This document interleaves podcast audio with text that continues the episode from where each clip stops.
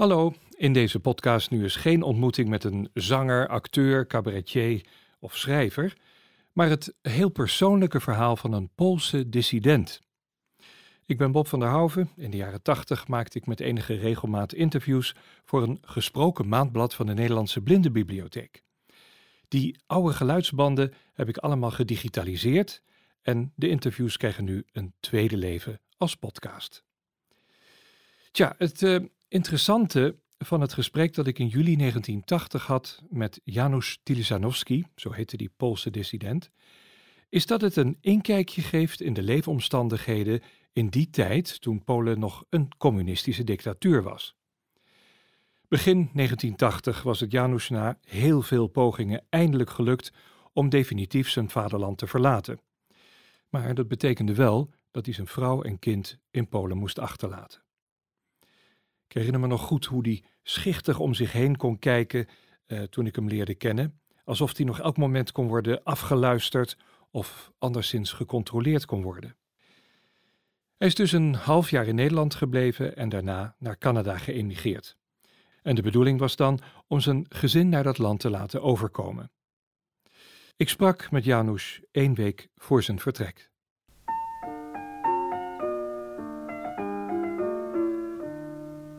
De enkeling stond op tegen wel honderdduizend dingen.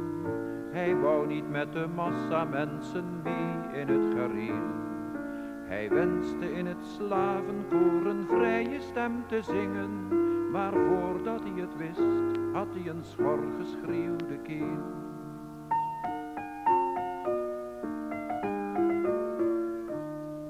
Toen hij niet meer kon zingen, stond hij op om te gaan spreken tot allen die hij altijd als zijn vrienden had beschouwd. Die zeiden, wat hij zegt is nog niet eens zo gek bekeken, maar toch voor onze oren wel een tikkeltje te bout.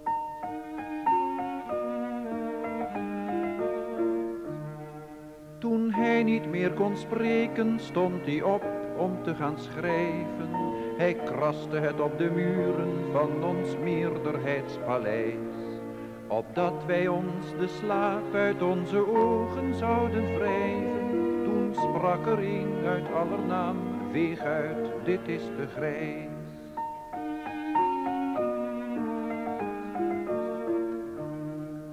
De enkeling staat op, omdat hij zelf zijn weg wil kiezen. Hij vecht tegen het monster van de middelmatigheid. Hij zal zolang hij leeft bij voorbaat elk gevecht verliezen. En als hij eindelijk opgeeft, zegt men zo, die zijn we kwijt.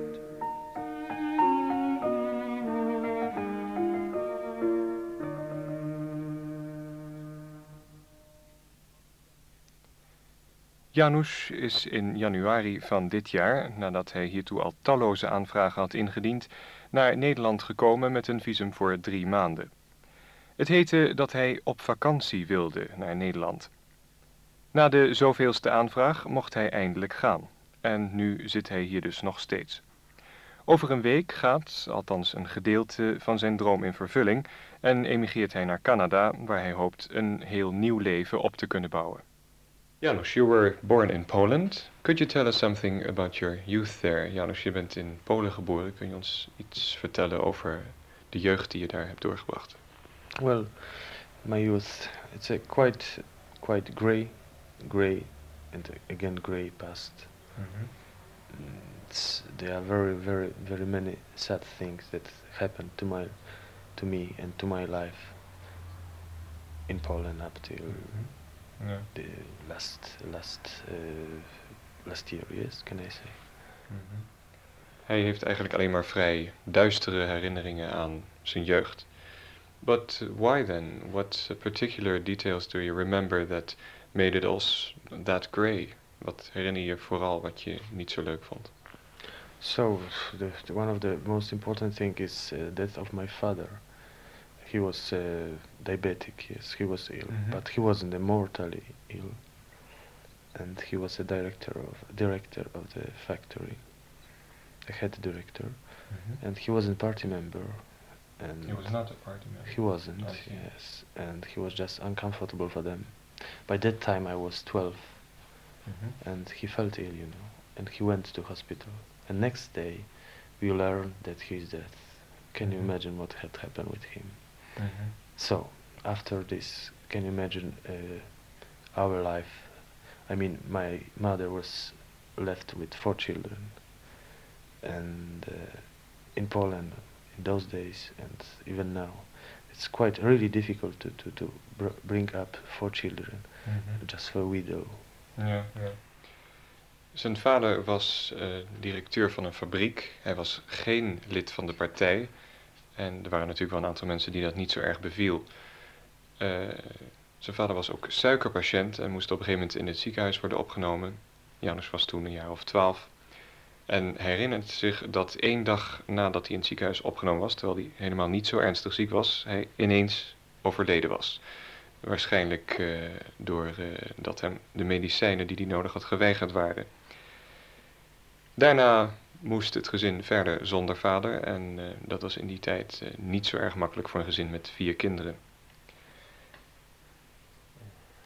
Could you tell us your opinion about the economical and political system in Poland? Kun je ons jouw mening vertellen over eh, het economische en politieke stelsel in Polen? Yeah, that's that's communism. You see, it's really completely. I'm sorry for this word, rotten. To the score system, mm-hmm. and there's no future for Poland like that. Really, really, I feel really sorry for my family, for my mother, and many, many relatives and friends in Poland because Poland really, really is faced with very many difficulty, depths, corruption, very everything what is really bad. I, I really feel sorry to admit this. U vindt het een land waar het politieke stelsel door en door rot en corrupt is. En hij kan eigenlijk alleen maar medelijden voelen met eh, al zijn landgenoten die eh, in, onder die omstandigheden moeten leven. Do you think that the Polish people is aware of the difference between the systems of, let's say, communist and capitalist countries? Denk je dat het Poolse volk eh, zich bewust is van het verschil tussen het communisme en het kapitalisme? Yes, of course. 90% of Polish people are aware of these differences, very big differences between communist and capitalist system. For us, it's just like uh, America were in 200 years ago for, for newcomers there. And that's that's a Western country for Polish people. We really hate uh, communist system, Poland and uh, our good sister Russia. Most Polish people hate communism, you think? I think 90%, even party members, they are just party members just for money purposes. They are just pretending that they are party members, but really they don't believe this system.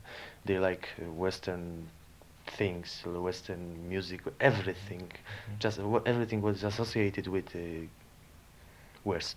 Mhm. Hij denkt dat zeker 90% van de Poolse bevolking eh, een grondige hekel heeft aan eh, dit politieke stelsel. En eh, onder die 90% vallen dus ook heel wat partijleden die alleen maar meedraaien om het geld en omdat ze toch niet weten wat ze anders zouden moeten doen.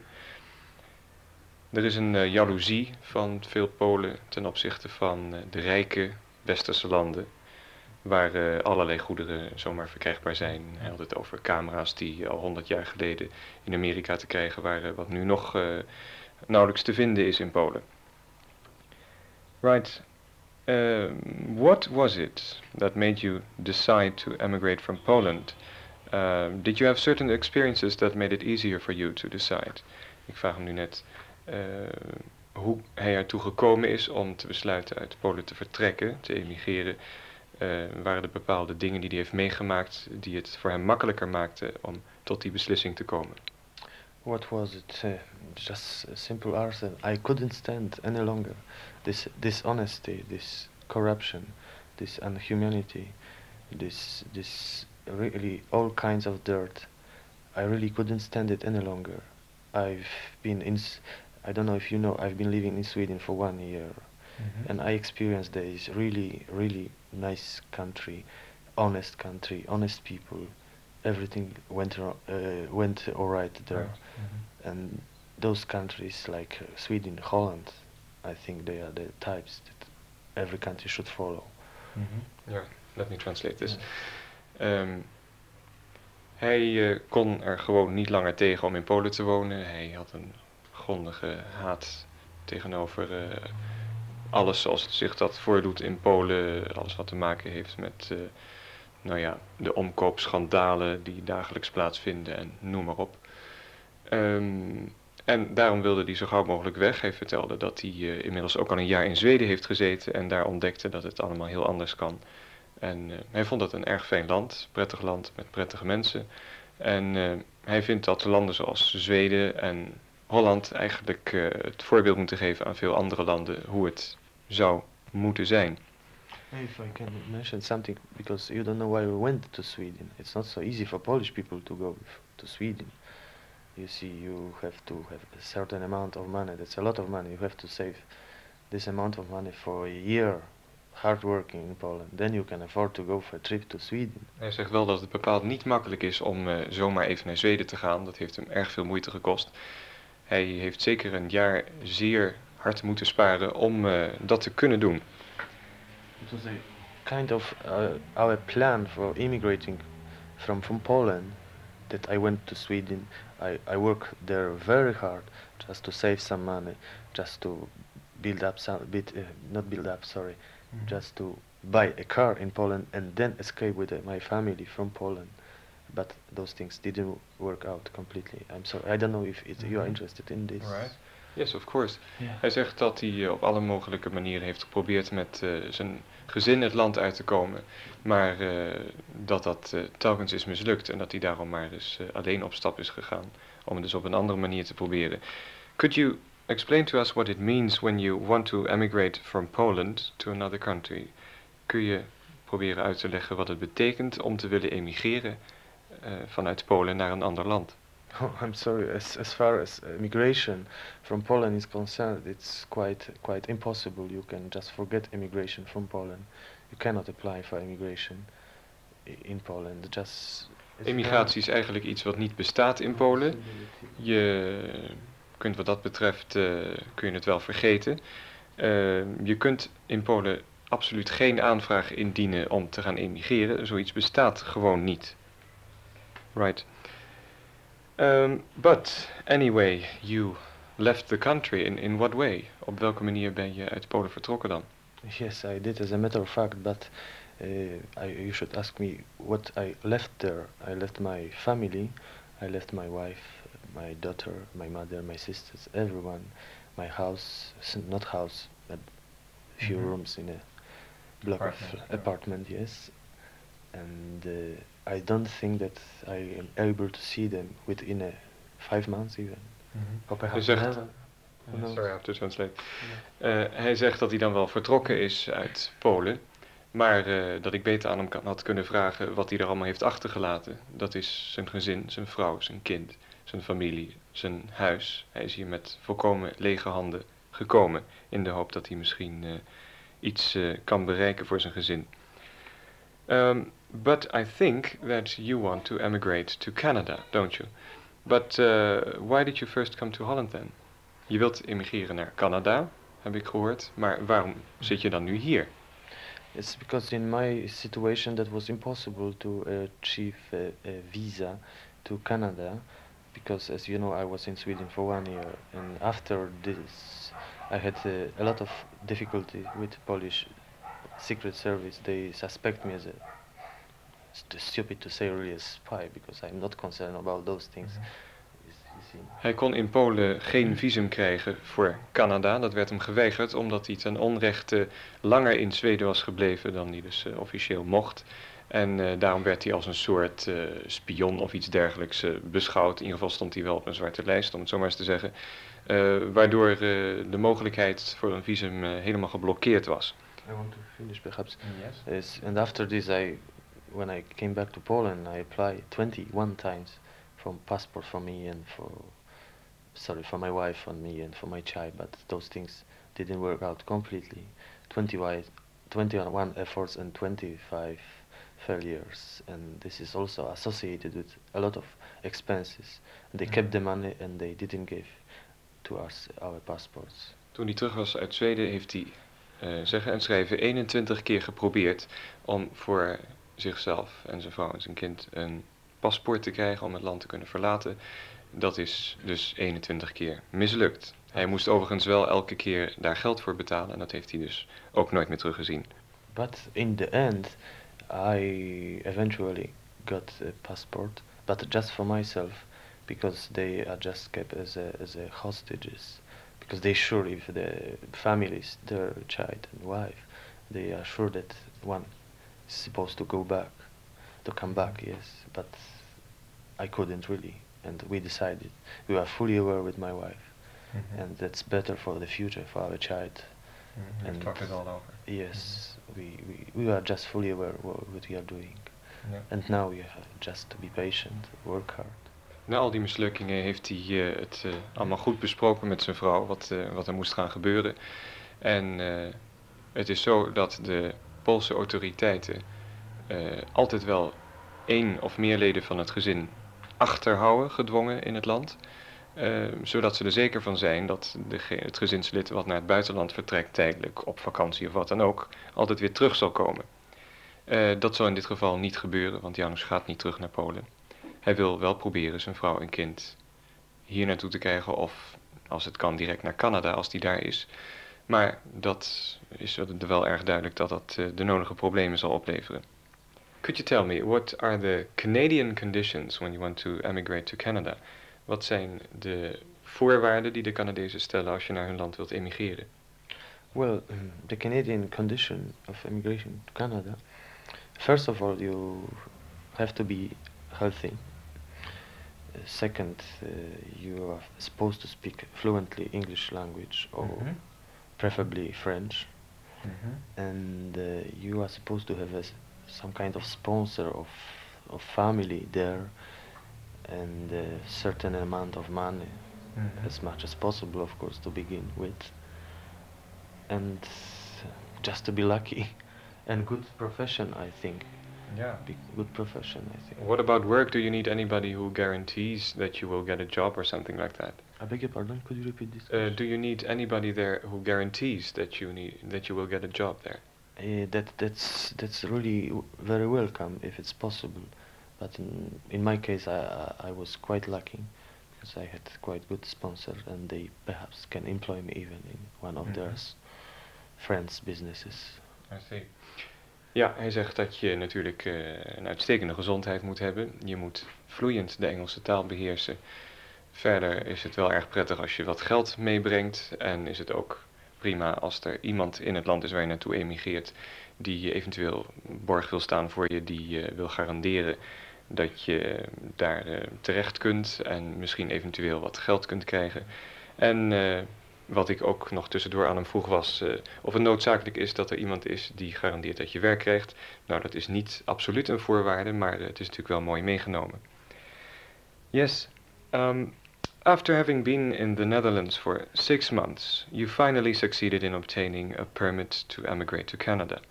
Nadat je nu dus zes maanden in Nederland bent geweest, eh, is het eindelijk gelukt om een, een toestemming te krijgen om naar Canada te emigreren. But what will you do when you come there then? Wat ga je doen als je daar aankomt? So first of all, I have to start a proper proper job. I have to build up something. I have to Mhm. find a small room first. Then after some time, I have to to buy a little bit bigger flat just for my family. And I have to fight for them. I have to Ja.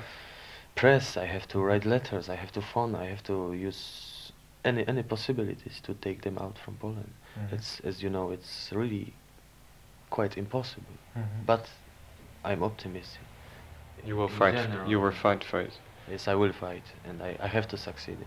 Het eerste wat hij gaat doen is eh, zien dat hij daar een kamer krijgt, natuurlijk een onderkomen. Hij wil proberen daar goed werk te krijgen. Hij heeft eh, een bepaalde opleiding, technisch gebied, waarmee hij eh, best wel wat kan beginnen daar. Dus hij hoopt daar een goede baan te krijgen. Later misschien eens een eh, wat groter huis, zodat hij misschien daar ook eh, te zijner tijd, als dat mag lukken, zijn gezin kan huisvesten. Ehm, hij gaat natuurlijk op alle mogelijke manieren proberen om zijn gezin hier naartoe te kunnen krijgen. Ik zou hem nu willen vragen, op welke manieren zoal, aan wie zou je dat zoal vragen? Who will you ask about your family? To who will you apply to get them over to Canada? Well, if there is really no way, I mean, no official way, mm -hmm. I will even go to the extremes. I will even go to I will, I'm willing to bribe the Polish authorities because it's possible there because every official there is, is, a, is a person briber and corrupt corrupt mm -hmm. as you know as, as we know Poland Russia and those countries there are the possibility but that will cost about ten thousand dollars mm -hmm. so first I have to work very hard and then I can try through a special mm-hmm. ways to them yeah. because they're always such ways. But you have to have ten thousand at least. Yeah, but first you try the official way. Yes, of course, that's the best. That's the mm-hmm. best and the honest way. But yeah. Hij wil het eerst op een eerlijke en als het kan officiële manier proberen om zijn gezin over te krijgen naar uh, Canada. En uh, mocht dat nou niet lukken, hij is zo overtuigd van uh, de corruptie in Polen dat hij denkt dat het dan altijd misschien nog wel mogelijk zal zijn om ze gewoon om te kopen. Maar daar heb je dan wel, zegt hij, zeker 10.000 dollar voor nodig. Wil dat lukken? Janusz, thank you uh, very much for this interview. I wish you lots of luck and the very best for the future. Dat was een gesprek met de Poolse dissident Janusz Tilzanowski, één week voor zijn vertrek naar Canada in juli 1980. Het is Janusz gelukt om zijn gezin over te laten komen naar Canada. En ik herinner me dat hij vrolijke foto's heeft gestuurd uh, van hem en zijn gezin. Ja, ons contact is uh, daarna verwaterd. Dus hoe zijn leven en uh, dat van zijn familie verder is gegaan, weet ik niet. Ook heb ik niks kunnen vinden op internet, want Janusz is niet actief op social media. Ja, en hoe het met Polen verder is gegaan, dat weten we natuurlijk wel. In de jaren 1980 tot 1989 werd met massale protesten onder leiding van Lech Walenza, weet u nog, van de vakbond Solidarność, en met steun van de paus, de val van het communisme als het ware ingeleid. Polen kreeg een nieuwe grondwet en werd een democratie. Na de omwenteling in 1989 is het land lid geworden van de Europese Unie en is de economie fors gegroeid. Ik ben zelf een aantal keren in Polen geweest en heb dat met eigen ogen kunnen constateren. Tegenwoordig zijn er internationaal nieuwe zorgen over de Poolse rechtsstaat. Men vindt de hervormingen die de laatste jaren zijn doorgevoerd in strijd met de Europese waarden van vrijheid en democratie. Die hervormingen hebben geleid tot een beperking van de bevoegdheden van het Grondwettelijk Hof, tot een omstreden mediawet en meer invloed van de politiek op de rechterlijke macht. Ik hoop van harte dat Polen niet terugglijdt naar een nieuw soort dictatuur. Tot zover deze podcast. Graag tot de volgende.